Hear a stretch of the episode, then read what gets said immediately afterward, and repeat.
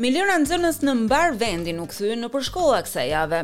Por me rritjen e kostos së jetesës, prindërit po përballen me rritje të çmimeve të produkteve thelbësore për arsimimin e fëmijëve të tyre.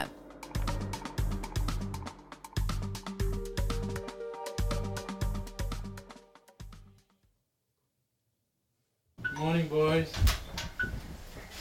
This is our school time. Wake up please. No wake up your sister. Është rutina e mëngjesit që ndjek familja Dukuan. Këtë vit, motra e vogël, Adual, do të fillojë shkollën për herë të parë. Tre vëllezërit e saj më të mëdhenj janë gati për të përmirësuar njohuritë e tyre. Adual do të fillojë kopshtin. Por jo shumë kohë më parë, jeta ishte shumë ndryshe. Në moshën nëntëmuajshe, Adual kaloi dy vite në spital, e më pas u diagnostikua me një sëmundje të rëndë. Ja se si tregon babai i saj Klementi. It was very tough for us. Today I didn't believe it yet that today Adual will Ishte shumë e vështirë për ne. Akoma nuk arrij ta besoj që Adual do të bëhej më mirë, do të bëhej më e fortë pas asaj që kaloi. Është me fat. Po të ishte në Afrikë, nuk mendoj se do të ishte në gjendje të fillonte shkollën sot. Tani është në Australi, në një sistem shumë të mirë, brenda një komuniteti shumë të mirë.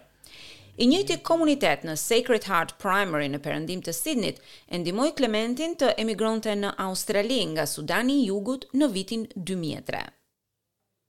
When we start a school we have to go under the tree because there's no facilities like here. Në kohën time kur shkoja në shkollë, m'u desh të mësoja nën një pemë sepse nuk kishim shkolla me ndërtesa si këtu. Prandaj i them fëmijëve të mos e humbasin këtë mundësi. Është momenti më i duhur. Kur fillova, haja vetëm mëngjes, as drekë e as darkë. Ndërkohë këtu jeni me fat, keni tre vakte bukë. Everybody is ready for breakfast? Let's go eat breakfast and then go to school.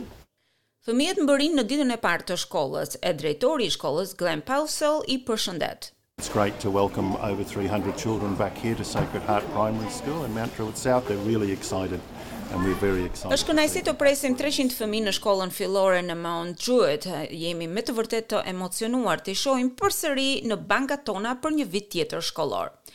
Por mes shqetësimeve të ditës së parë, nxënësit përsëri janë gati t'i kthehen mësimit.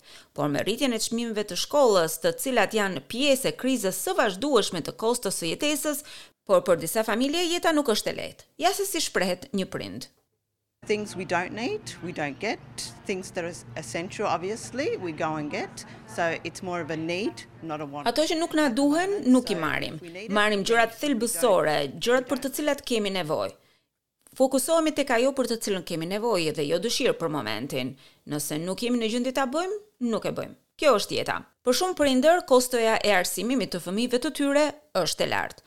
Ja se si shprehet Sarah Megginson. We're expecting parents to spend in total two point six billion dollars on school supplies, which is such a staggering amount of money. Sipas parashikimeve tona, prindërit do të shpenzojnë këtë vit një total prej dy pikë gjashtë miliardë dollarësh vetëm për sendet e shkollës, një gjë shumë e madhe. Për shpenzimet mesatare të shkollës fillore, kostoja është pesëqind e shtatëdhjetë dollarë, shkollën e mesme shtatëqind e shtatëdhjetë dollarë, dhe kjo nuk përfshin kostot e vetë shkollës. Artikujt më të shtrenjtë janë uniformat, të cilat shpesh kushtojnë më shumë se dyqind dollarë për nxënësit e shkollave fillore. Tekstet shkollore kushtojnë rreth dyqind e gjashtëdhjetë e tetë dollarë për nxënësit e shkollave të mesme. Dhe vetëm këpucët janë mesatarisht njëqind dollarë për çdo fëmijë. Këtyre të dhënave i shtohen edhe koste të tjera si transporti, kampet shkollore e të tjerë e të tjerë. See our kids play sport as well, so we found that the there's they, on top of uniforms and things like that, so we had to get them a separate uniform. Fëmijët tanë luajnë sport, kështu që ne përveç uniformave të zakonshme, na u desh që t'i blinim dhe uniformat e sportit. Çdo gjë është e shtrenjtë tani. E ndërsa rikthimi në shkollë rezulton stresues për disa fëmijë, familja Dekuan e sheh atë si një fillim të ri.